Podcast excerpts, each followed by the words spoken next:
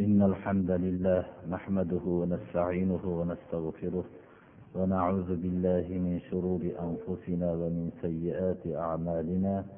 من يهده الله فلا مضل له ومن يضلل فلا هادي له وأشهد أن لا إله إلا الله وحده لا شريك له وأشهد أن محمدا عبده ورسوله. أما بعد السلام عليكم ورحمة الله وبركاته.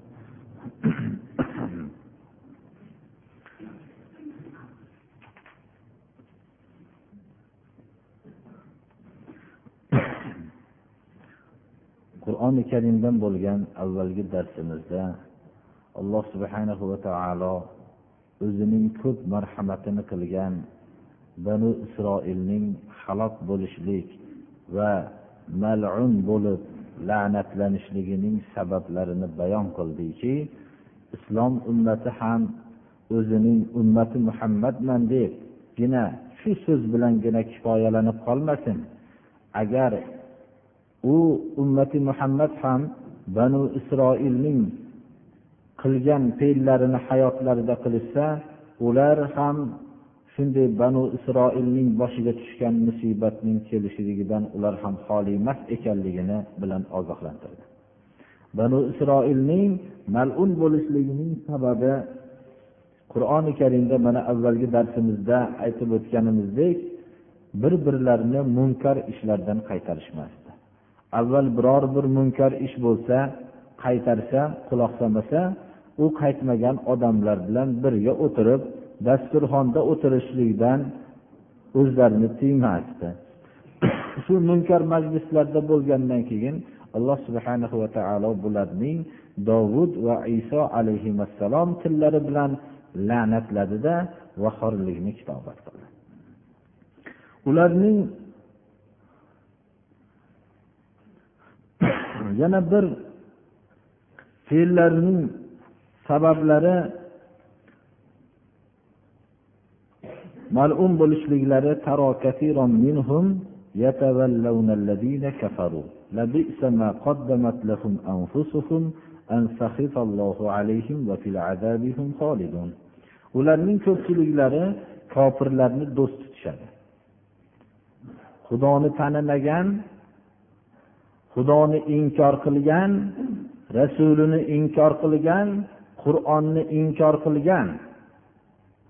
ya'ni banu isroil ollohni yo'lini inkor qilgan edi. Inkor qilgan odamlarni do'st tutadi. Hozirgi vaqtda ham ollohni inkor qilgan rasulini inkor qilgan qur'onni inkor qilgan kishilarni do'st tutgan odamlar mana shu toifadan. Ularning ko'pchiligini ko'rasizki kofirlarni do'st tutganligini. ular o'zlari o'zlariga olib kelgan narsa qanday narsa yomon narsaki olloh ularga g'azab qildi va shu qilgan amallari sababli do'zaxda abadiy qolishdi ولو كانوا يؤمنون بالله والنبي وما أنزل إليه ما اتخذوهم أولياء ولكن كثير منهم فاسقون agar ular ollohga iymon keltirishganida payg'ambarga iymon keltirishganida va payg'ambarga tushirilgan qur'onga iymon keltirishganda ular kofirlarni do'st tutmagan bo'lishardi. Lekin ularning ko'pchiligi ollohning hukmidan tashqariga chiqqan fosiqlardir. Darsimiz shu yerga kelib to'xtagan demak insonning malum bo'lishligining sabablaridan bittasi bir birlarini munkar narsalardan qaytarmaslik qaytargandan keyin qaytmasa birga bo'lib shular bilan munkar ishlarda ishtirok etib yuraverishlik va ollohni yo'lini inkor qilganlarni do'st tutishlik shu sabab bilan ollohning g'azabiga giriftor bo'lib qolish va dunyoyu oxiratdagi azobda abadiy qolishlikdir. Dunyodagi lekin azobni ko'p kishi tushunmaydi o'zi dinsiz kishilar bilan bir bo'lib qolishlik o'zi bir azobdir shu bilan ollohga bo'lgan iymonini qur'on inkor qilyapti. Agar ollohga iymon keltirishganda payg'ambarga iymon keltirishganda payg'ambarga tushirilingan qur'onga iymon keltirishganda bular iymon keltirgan emas iymon keltirishganda do'st tutmagan bo'lardi. Demak kofirni kufri asosida do'st tutishlik ollohga bo'lgan iymonni inkor qilishdan boshqa narsa emas. Chunki yaratuvchi tarafiga bog'langan mo'min kishining bog'lanadigan nasabi ham aqidasi bo'ladi. Uning vatani ham aqidasi bo'ladi. Uning do'stligi ham vositasi ham aqida bo'ladi. Shu aqida bilan birlashadi aqida bilan ajrashadi. Mana shu mo'min odam o'zining vatanini ham tanib olishi kerak aqidasidir. Mo'min odamning nasabi ham aqidasidir. Agar shu aqidada birlashmasa u o'zini begona deb biladi. Agar aqidada birlashsa yerning mashriqi bilan mag'ribdagi turgan ikkita musulmon o'zini bir deb biladi.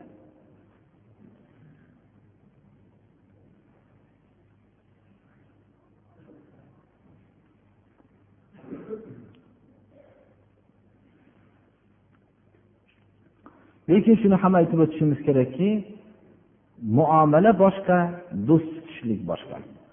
Dunyoviy muomalalar boshqa narsalarda bu shariati islomiya man qilgan emas lekin do'st tutish degan narsa yordamlashish va kufrga yordam berishlik degani bu do'st tutishlik degan butun mo'min odamning qalbida iymon bilan kufrni do'st tutishlik jamlanmaydi. Yo iymon turadi agar kufrni do'st tutishlik bo'ladigan bo'lsa iymon unga chiqib ketadi. Shuni yaxshi bilishimiz kerak alloh subhanahu va taolo shu oyatdan keyin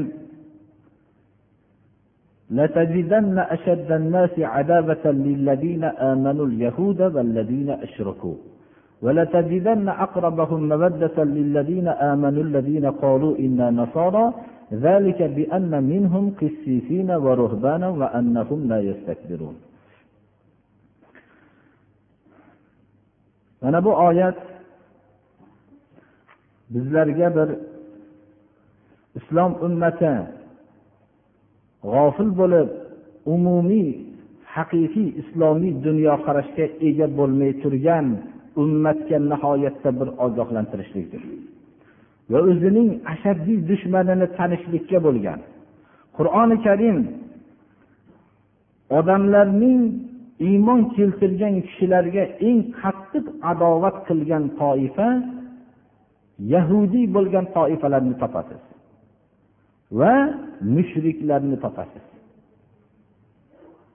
Yahud va mushriklar iymon keltirgan kishilarga eng qattiq adovatli kishilardir.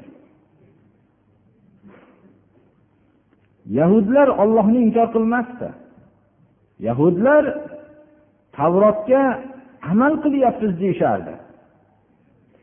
Lekin bu islomga bo'lgan adovati islom haq quvvati bilan olamga ko'ringan kundan tortib islomga eng qattiq bir adovat qilib kelgan toifa mana shu yahudlar toifasidir. Bular o'zining har qanday imkoniyatini hammasini islomning zarariga qaratgandir.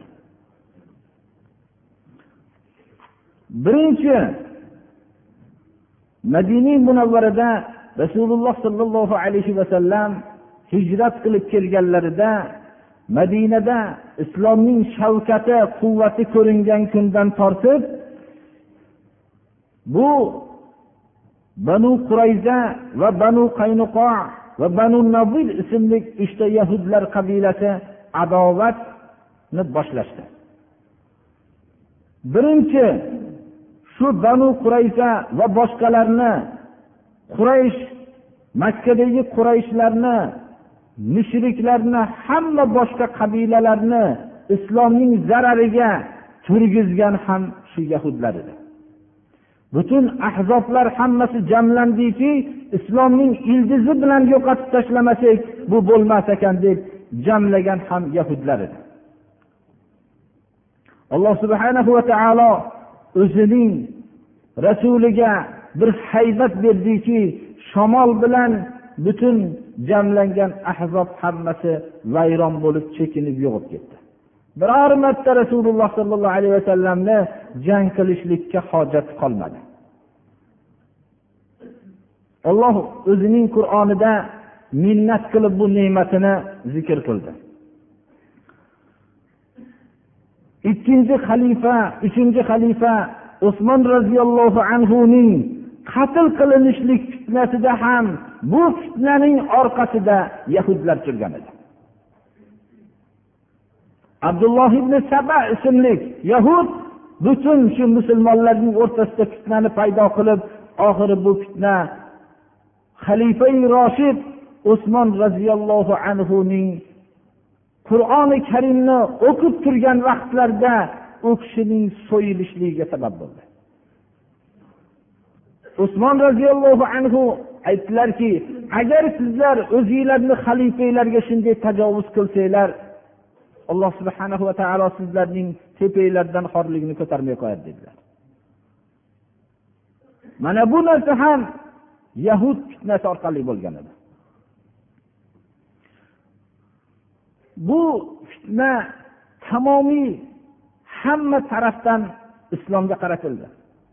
Rasululloh sollallohu alayhi vasallamning hadislarini ichiga butun yolg'onlarni kirgizishlikka harakat qilgan ham yahudlardir islomdagi mavzu hadislarning hammasini butun islom olamining hamma kitoblariga kirgizishlikka harakat qilib o'zlarining shu harakatlarida ko'p hadislarni olib kirgan hadis ismi bilan mavzu bo'lgan hadislarni olib kirgan ham yahudlardir islom olami o'zining butun hamma manbalariki qur'oni karimdan boshqa manbasi qur'oni karimni alloh subhana va taologa ming hamdlar bo'lsinki biror bir kalimasiga biror bir harfiga hech kim bir o'zgartirish kirolmaydigan bo'lib qolishligiga olloh o'zi kafil bo'ldi.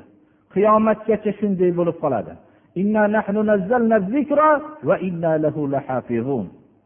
Biz qur'onni o'zimiz tushirdik va qur'onni o'zimiz saqlaymiz dedi alloh taolo.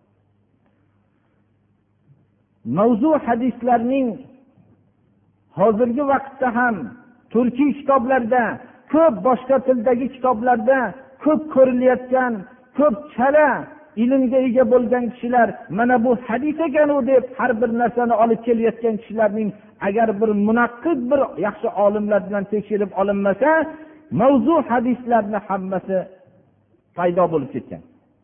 Rasululloh sollallohu alayhi vasallamning hadislarini himoya qiluvchi alloh subhana va taolo o'zining muhaddis ulamolarini chiqardi. Mana bu kishilardan eng peshvolardan bittasi imomi buxoriy imom muslim mana bu sihostaning mualliflari mana bunday yahudlarning makrlarini hammasini fosh qilishlikka allohning madadi bilan muvaffaq bo'lishdilar.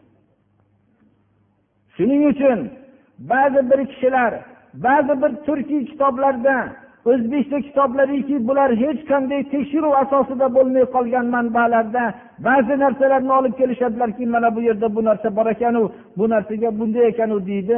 U narsaning hadisni mavzumi mavzu emasligini bilishmaydilar. Mavzu hadislarni alhamdulillah haqiqiy ulamolarni paydo qildi alloh taolo. Imom ali qoriyni mavzuati alil qoriylari borki bunda mavzu bo'lgan yahudlar tarafidan kirgizilingan hamma hadislarni surib tashlangan.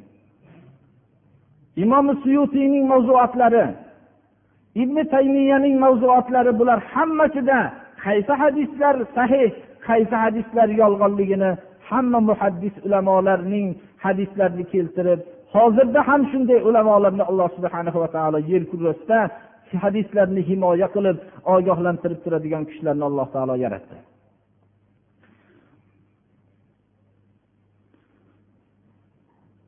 Bular birinchi yana shuni ham aytib o'tishimiz kerakki tarixga bir nazar tashlasak sulton abdul hamid davrida shariat hukmi bilan hayot davom etayotgan vaqtda ular buning dusturga almashtirishlikni fitnasini ham orqasida yahudlar bor edi. Keyinchalik sulton abdulhamidning davridan keyin bunday fitnalarni uyushtirilgandan keyin o'zini batal deb qahramon deb tarqatgan boshqa bir viloyatlarda islomiy xilofat olamga hukm surib turgan vaqtda xilofati islomiyani yo'qotilishlikka ham sabab bo'lgan yahudlar edi. Hozirda ham har bir musulmonlarning o'rtasiga fitnalarni tarqatayotgan fitnalarning orqasida. Agar masalan inson qasam ichib aytsa ham xato qilgan bo'lmaydiki bu fitnalarning orqasida yahudlar bekinib turadi. Lekin ular o'zlarining makrlarini qanday uyushtirishligini yaxshi bilishadilar. Uning aytib o'tganimizdek ular nihoyatda ehtiyotkorlik bilan musulmonlarning o'zidan sopini chiqarib turgan holatda boshqarishadilar. Ular musulmonlar o'rtasida haqiqiy bir ongning paydo bo'lishligidan ehtiyot bo'lishadilar. Mana bu narsani biz yaxshi anglashimiz kerakki modomiki musulmonlar o'rtasida haqiqiy ong paydo bo'lmas ekan u islom millati hech qachon o'zining muqaddas islomini bilmasdan o'tib ketadi. Har xil tagi puch bo'lgan gaplarga ishonib o'tib ketadi. Rasululloh sollallohu alayhi vasallam birinchi bu dunyodagi hamma makrlarning oldiga bir poydevor bir qo'rg'on qurib ketdilarki bu qo'rg'onni hech kim buzolmaydigan edi.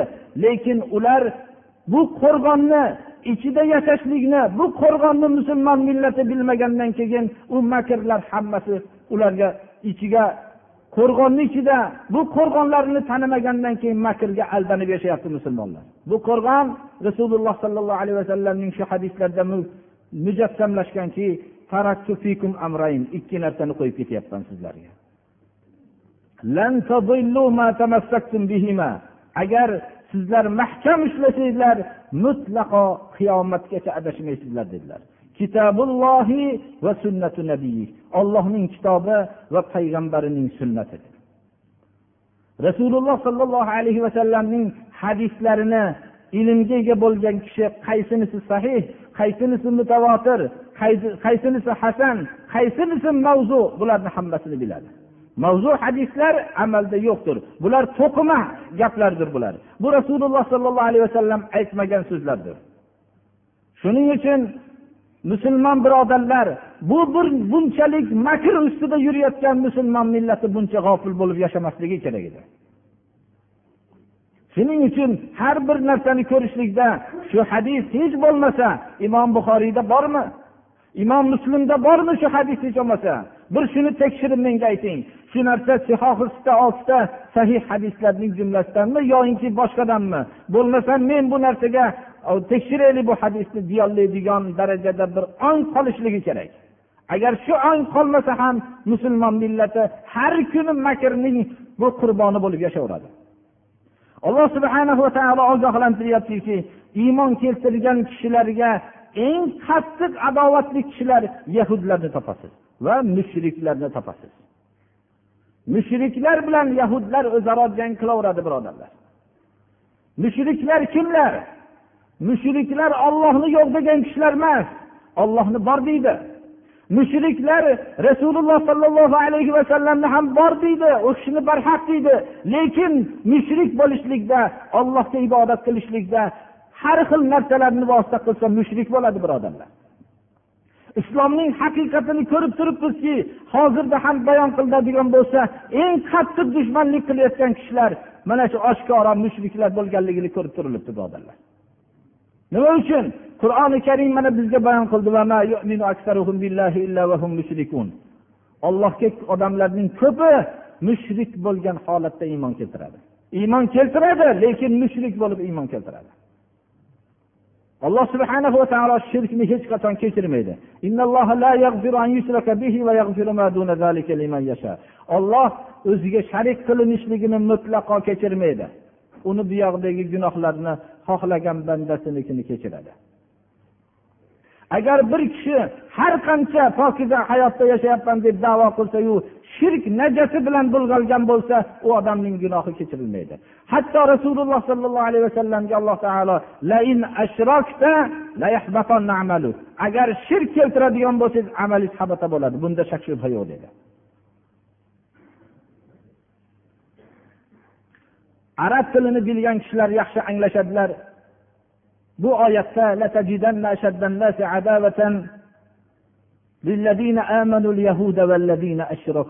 vov bilan keltirilyapti. Vov otifasi bilan keltirilgan jumla ikkovidagi jamiyatni bildiradi. Ya'ni yahud va mushriklar birga islomga dushman ekanligini bayon qilyapti yahud bilan mushriklar o'zaro jang qilishligi mumkin. Lekin islomiy haqiqiy islomga qarshi bo'lishlikda birlashaveradi. Mana rasululloh sollallohu alayhi vasallamga madinadagi yahudlar makkadagi mushriklarni hammasini birgalashib jang qilib tarixda mana bu isbot bo'ldi birodarlar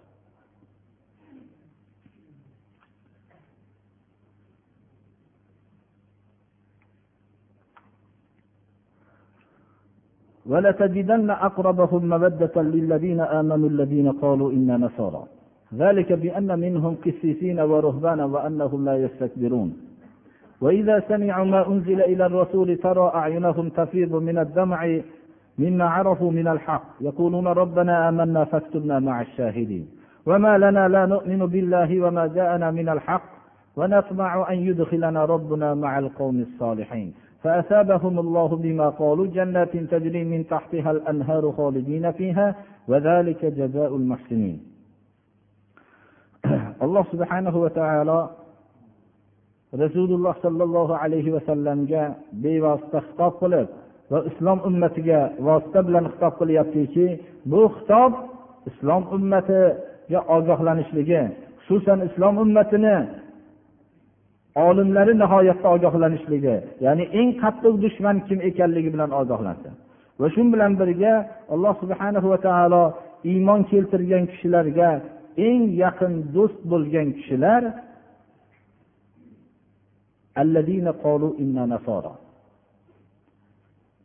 shunday kishilarki ular biz nasoromiz deyishgan.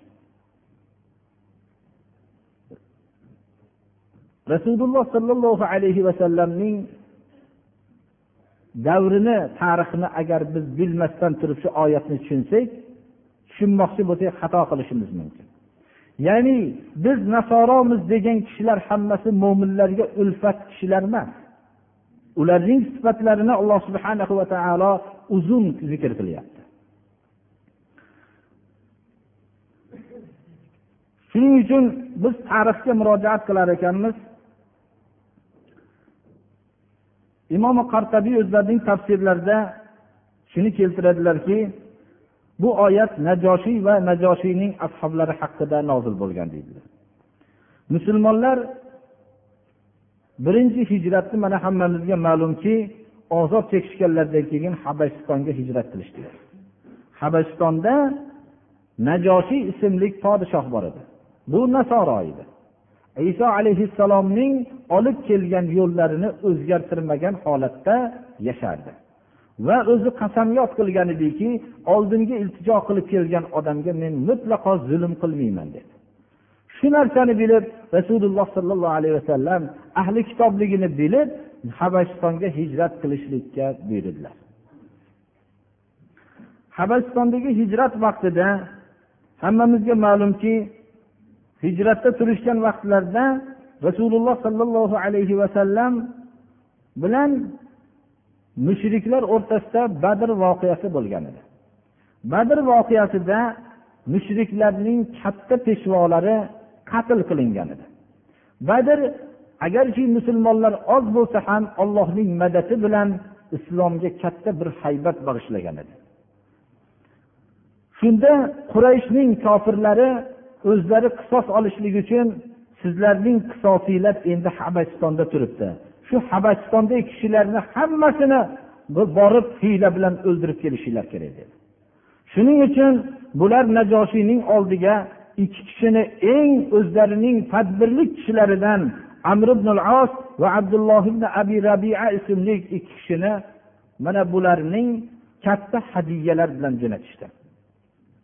Najoshiy oldiga bularning ketganligini rasululloh sollallohu alayhi vasallam eshitganlaridan keyin amr ibn umayyata bumariy ismli sahobani tez jo'natdilarda najoshiyga bir maktub yo'lladilar. Najoshiy oldiga keldi. Rasululloh sollallohu alayhi vasallamning maktublarini bu kishi o'qidi. Shunda bu vaqtda amr ibn os bilan abdulloh ibn abi rabia ham katta hadiyalar bilan kelgan edi. Botil birodarlar doim ishni hadiya poralar bilan bitkazadi. Sulaymon alayhissalomning oldiga katta bir hadiyalarni jo'natib bizga bunday bir xorlikka sabab bo'lib qolmang biz xorlik bir holatida qolmaylik deb podshohlari jo'natgan vaqtida u kishi aytdilarki bu hadiya bilan xursand bo'ladigan siz dinsizlar dedilar.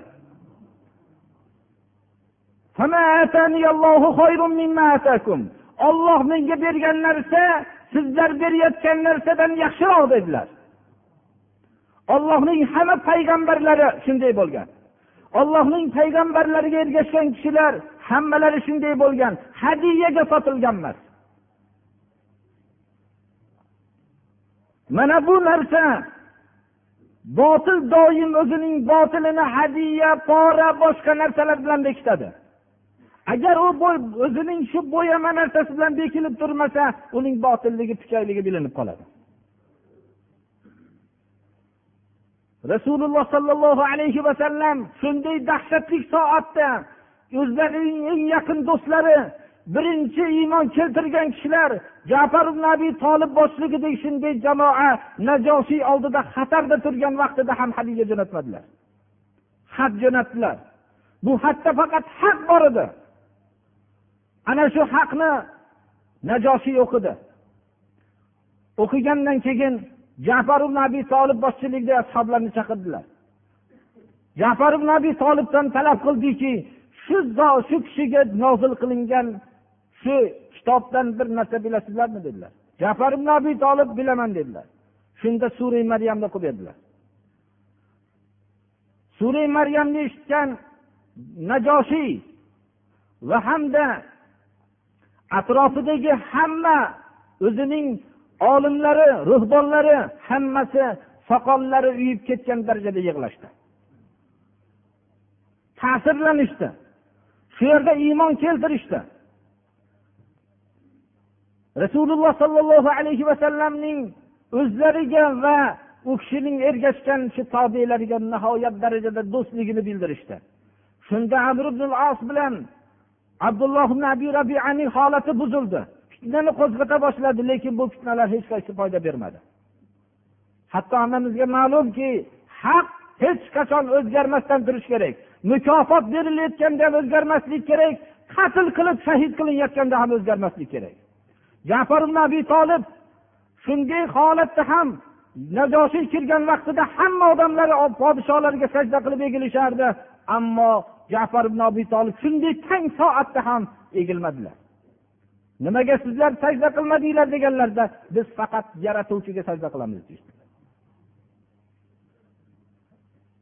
odamzod biror bir boshiga musibat tushsa molini taqdim qilib turib molini sarf qilib o'zini himoya qilish kerak. Ammo diniga musibat tushsa butun vujudini jasadini sarf qilish kerak bu yerda dinini sotmaslik kerak. Dini shunday qadrli bo'lishi kerak. Jundab ibn abdulloh bu kishi aytdilarki agar boshingga musibat tushsa molingni sarf qil dedilar. Ya'ni baloni moling bilan himoya qil dedilar. Bir odam kasallik bo'lsa badaniga molini sarf qilib o'zini davolaydi. Yoki biror musibat bo'lsa molini sarf qilib himoya qiladi. Lekin diningga musibat tushsa bunda jasadingni muqobil qil dedilar.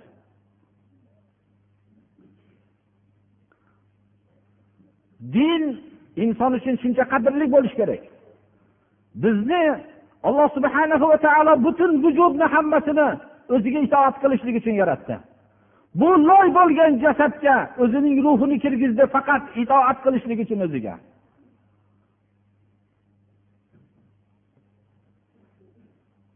Hammalari ta'sirlandi. Qur'oni karim mana bular haqida shu oyat nozil qildi. Biz o'ylab qolmaylikki nasoroman degan odamlar islomga do'st bo'lgan kishilar deb o'ylamaylik. Mana bunday kishilar shu yerda alloh subhana va taolo sifatlarini aytyaptiki siz iymon keltirgan kishilarga biz nasoromiz deb aytgan kishilarni eng do'st kishilar topasiz. Uning sababi ularning ichida haqni biladigan olimlari ruhbon ya'ni dunyoni do'st tutmagan kishilari bor. Ular haqni eshitgan vaqtida kibr qilib turishmaydiki shunchalik davom etib kelayotgan narsamizni yo'qotib shularga itoat qilamizmi deyishmaydi. Hatto najoshiy shu yerda rasululloh sollallohu alayhi vasallamga atrofidagi kishilar bilan iymonni qabul qildi. Men podshoman demadi atrofidagilar biz olimmiz demadi haq keldi haqqa ergashaylik deyishdi. Rasululloh sollallohu alayhi vasallamni ko'rgani yo'q najosiy ko'rmasdan turib iymon keltirdi. Agar ular rasulga payg'ambarga tushirilingan qur'onni eshitsalar ularning ko'zlarini shunday yosh bilan hatto ko'zi yosh ko'p oqqanligidan ko'zi tushib ketyaptimikin deb ko'rasiz dedilar. Ko'p yig'lashgan edilar ta'sirlanib. Bilishgan haqni bilganlikdan yig'lashadi. Shunday holatda ko'rasiz. Bular shunday o'zlarining avvalgi ta'sirlarini til bilan gapirishlikka imkoni qolmaydigan darajada ko'p yig'lashadi. Va keyin aytishadilarki robbana amanna ey robbimiz iymon keltirdik deydi. Bizlarning o'zingni yo'lingga shohid bo'lib tirik guvoh bo'ladigan kishilar safidan bizlarni yozgin deyishadi. Nima uchun biz iymon keltirmaymiz ollohga nima uchun olloh tarafidan bizga kelgan haq qur'onga iymon keltirmaymiz? Va rabbimizning solih odamlar jumlasiga bizni ham kirgizishligini nima uchun umid qildingiz haq kelgan vaqtida deyishadi? Mana bunday biz nasoromiz degan kishilar iymon keltirgan kishilarga eng yaqin do'st kishilardir. Haqiqatda eng yaqin do'stliklarini ko'rsatishdi. Birinchi musulmonlarni himoya qilishdi. Hadiyalarini qabul qilmadi. Amr ibn al as bilan abdulloh ibn rabiatan rabiani nihoyatda xor qilib jo'natdi. Alloh subhana va taolo bularning iymonini qabul qildi. Aytgan so'zlari bilan alloh taolo ularni mukofotladi. Ostlaridan anhorlar o'tgan jannatlar bilan mukofotladi. Ular bunda abadiy qolishadi. Bu muhsinlarning mukofotidir. Muhsin ehson bu taqvodan ham yuqori maqomdir. Taqvodan ko'ra ham eng oliy maqom ehson maqomidir. Rabbini ko'rib turganday sig'inishdir.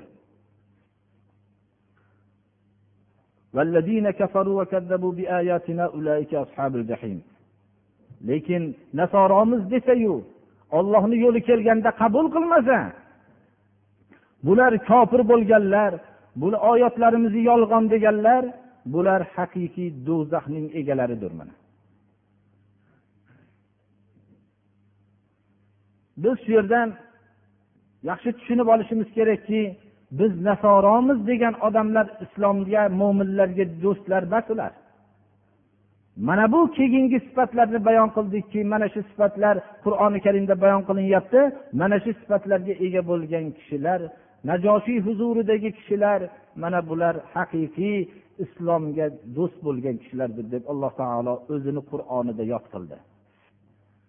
Rasululloh sollallohu alayhi vasallam najoshiy vafot qilganligini xabarini berdilar. Najoshiy bilan ko'rishganlari yo'q bugun habasistonda najoshiy vafot qildi dedilar va shu yerda namozgohga chiqdilarda ashoblar sab bo'lishdilarda janozai g'oyibni o'qidilar. G'oyib bu odamning janozasini najoshiyga o'qidilar mabodo islom peshvolaridan islomning olamdagi katta kishilari vafot qilsa g'oyib bo'lib bu yerda biz hozir bo'lolmasa shunda musulmonlar bir namozgohga chiqib turib janozai g'oyibni o'qishlik uchun bilan bizga mashhur bo'lib qoldi rasululloh sollallohu alayhi vasallam mana bu narsani qur'oni karimda payg'ambar sollallohu alayhi vasallamning tili bilan tilovat qilinib qur'oni karimda abadiy qolishligi inson bir narsaga ixlosu e'tiqod bilan bir marta bir haqqa bo'ysunishlikning mukofoti abadiy kitobida tilovat qilinib qoldi ular. Ammo rasululloh sollallohu alayhi vasallam bilan yoshligidan birga yashab u kishining yonida yurganlar mushrik bo'lib qoldi aksarlari. Iymonni qabul qilolmadi. Bu saodat shuni yaxshi bilishimiz kerakki ollohni hukmini qabul qilish mana shu narsa edi mana.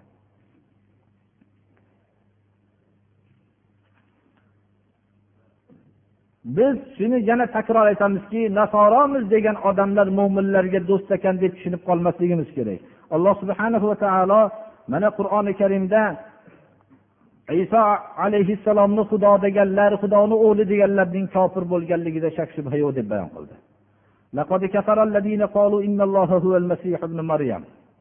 Mana kofir bo'lishdi.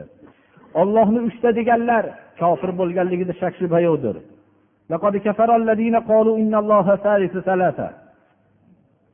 banu isroil yahudlari dovud alayhissalom iso alayhissalom tili bilan malun bo'lishdi.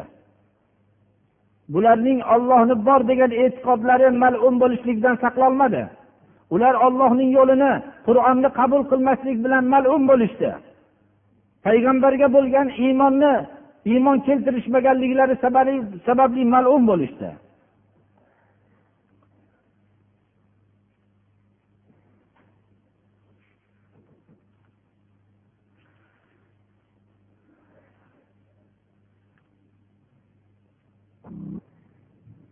Bizlarga ham haqiqiy islomiy dunyoqarashni alloh nasib qilsin xalqlarimizga.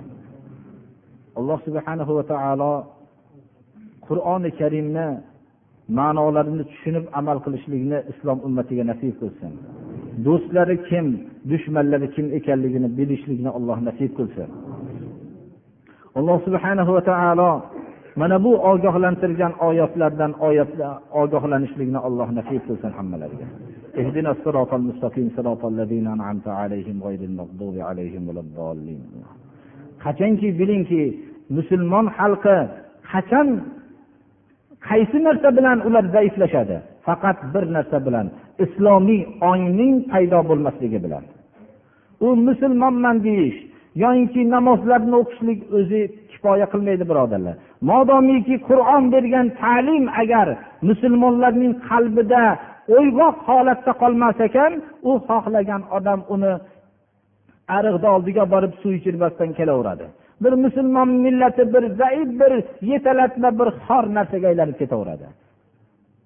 Shuni yaxshi bilishimiz kerakki yana takror aytamiz hozirgi vaqtda ham ba'zi bir amallarga tushunmovchilik paydo bo'layotganligi chala dindan hech narsani bilmagan odamlar qo'pol qilib aytamanki o'zlarining hayotlarining avvalida fisqi fujur bilan o'tib peshvo bo'lib turib bir mahallaga keyin qarigandan keyin ham peshvolik meni so'zim bilan yuradigan degan dinni bilmagan odamlar sababli shu narsalar vujudga kelyapti. Bular aytishlari kerakki birodarlar biz hayotimizni avvalida har xil ishlar bilan shug'ullandik.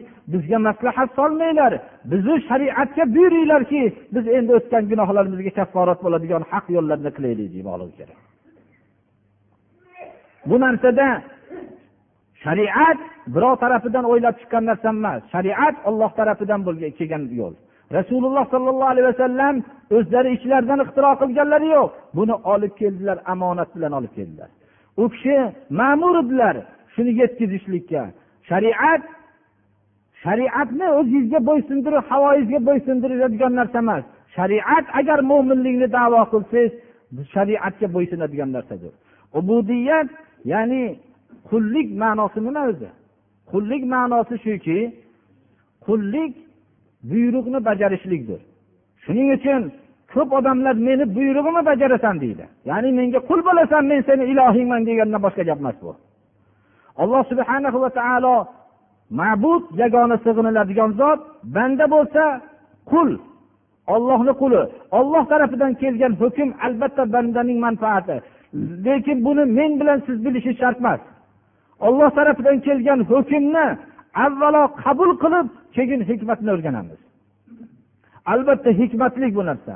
Shuning uchun ollohni hukmini qabul qilishlik bu ubudiyat sifati ekanligini mana shu narsani esda saqlamoqligimiz kerak. Amallarning maqbul bo'lishligi takror aytamiz ikkita sharti bor.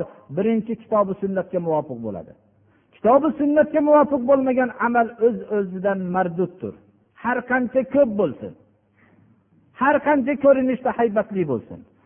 Kitobi sunnatga muvofiq bo'lgandan keyin ixlos faqat allohning rizosi maqsad qilingan bo'lishi uchun. Shu ikkala shart topilmas ekan bu amal marduddir. Maqbul bo'lmaydi har qanday ko'rinishda chiroyli bo'lsa ham. Shuning uchun ba'zi odamlarning ixlos bilan juda e'tiqod bilan qilayotgan amallari o'zi shariatda yo'q bo'lsa u narsa bizni ajablantirmasligi kerak. Ba'zi kishilarning yetimlarni qarayotganligi yoinki yo'llarni tuzatib qo'yayotganligi agar olloh rasulini rizosini talab qilishlik bo'lmaydigan bo'lsa unda hech qanday foydasi yo'q narsani. Chunki buning tagida ixlos yo'qdir bu narsani. Ixlos nima? Alloh subhana va taoloning huzuridan bir ajrni istashlik mana alloh subhanahu va taolo farzandlarni solih qilsin alloh subhanahu va taolo betoblarga shifo bersin alloh subhanahu va taolo solih farzandlar ato qilsin alloh subhanahu va taolo dardlariga shifo berib islomga xizmat qiladigan kishilardan qilsin أيها الناس اتقوا الله حق تقواه سارعوا إلى مغفرته ورضاه bandalari ey mo'minlar alloh subhanahu va taolodan taqvo qilinglar alloh subhanahu va taolodan taqvo qilishlik eng katta boylikdir. Agar inson hayotida taqvo bilan yashasa alloh subhanahu va taoloning buyruqlarini qilishlik unga hech bir og'irligi his qilmaydi og'irligi sezilmaydi.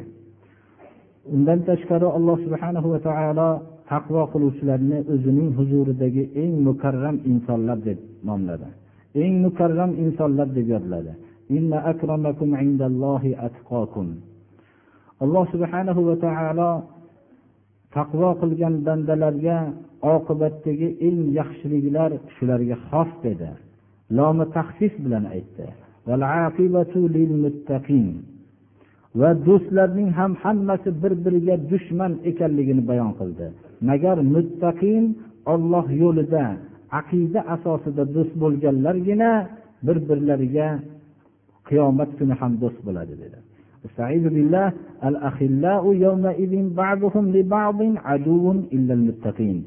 Do'stlar halil eng yaqin bir biriga do'st bo'lib yurgan odamlar qiyomat kuni bir biriga dushmandir magar muttaqin olloh yo'lida do'st bo'lganlar. Olloh yo'lida do'st bo'lishlikning sharti munkar ish bo'lsa ogohlantirish agar bundan ogohlanmasa ajrashishlikdir. Muttaqin mol bilan bu do'st bo'lganlar emas bular. Mol bilan do'st bo'lganlar agar harom yo'llar bilan shunday harom ishlarni qilib yurgan vaqtda birodar bo'lib yurgan bo'lsa shundagi gunohni berilayotgan vaqtda gunohning azobini olayotganda bu mening shunday bo'lishligimga u sabab bo'lgandi deb dushmanligini hatto farzandlarim deb o'zining farzandlarini deb turib harom ishlarni qilgan odamlar hammasi farzandlarining dushmanligini qiyomat kuni ko'rishadilar. Alloh subhana va taolo eng yaqin odamlarning bir biriga dushman bo'lishligini o'zini kitobida yod qilib muttaqillargina bir biriga shu yerda do'st bo'lishadi deyaptilar. Shuning uchun har bir kishi o'zi aqida asosida birlashishlik kerak aqidani asosida ajrashishlik kerak. Agar aqidasi sahiy bo'lmasa men sendan do'stmasman demoqligi kerak. Aqidasi sahiy bo'lsa shunda sen bilan do'stman deb e'lon qilishligi kerak. Bo'lmasam qiyomat kuni bir biriga dushman bo'lishligi o'zining gunohini o'ylab turgan vaqtda u atroflardan ham unga to'ngalayotganligi shu sabab bo'lgan deganligini yaqin kunda ko'rib qoladi. Alloh subhanahu va taolo mana rasululloh sollallohu alayhi vasallam eng odamlarning taqvodorrog'i bo'ldilar. Bu kishi o'zlari hayotda namuna bo'ldilar.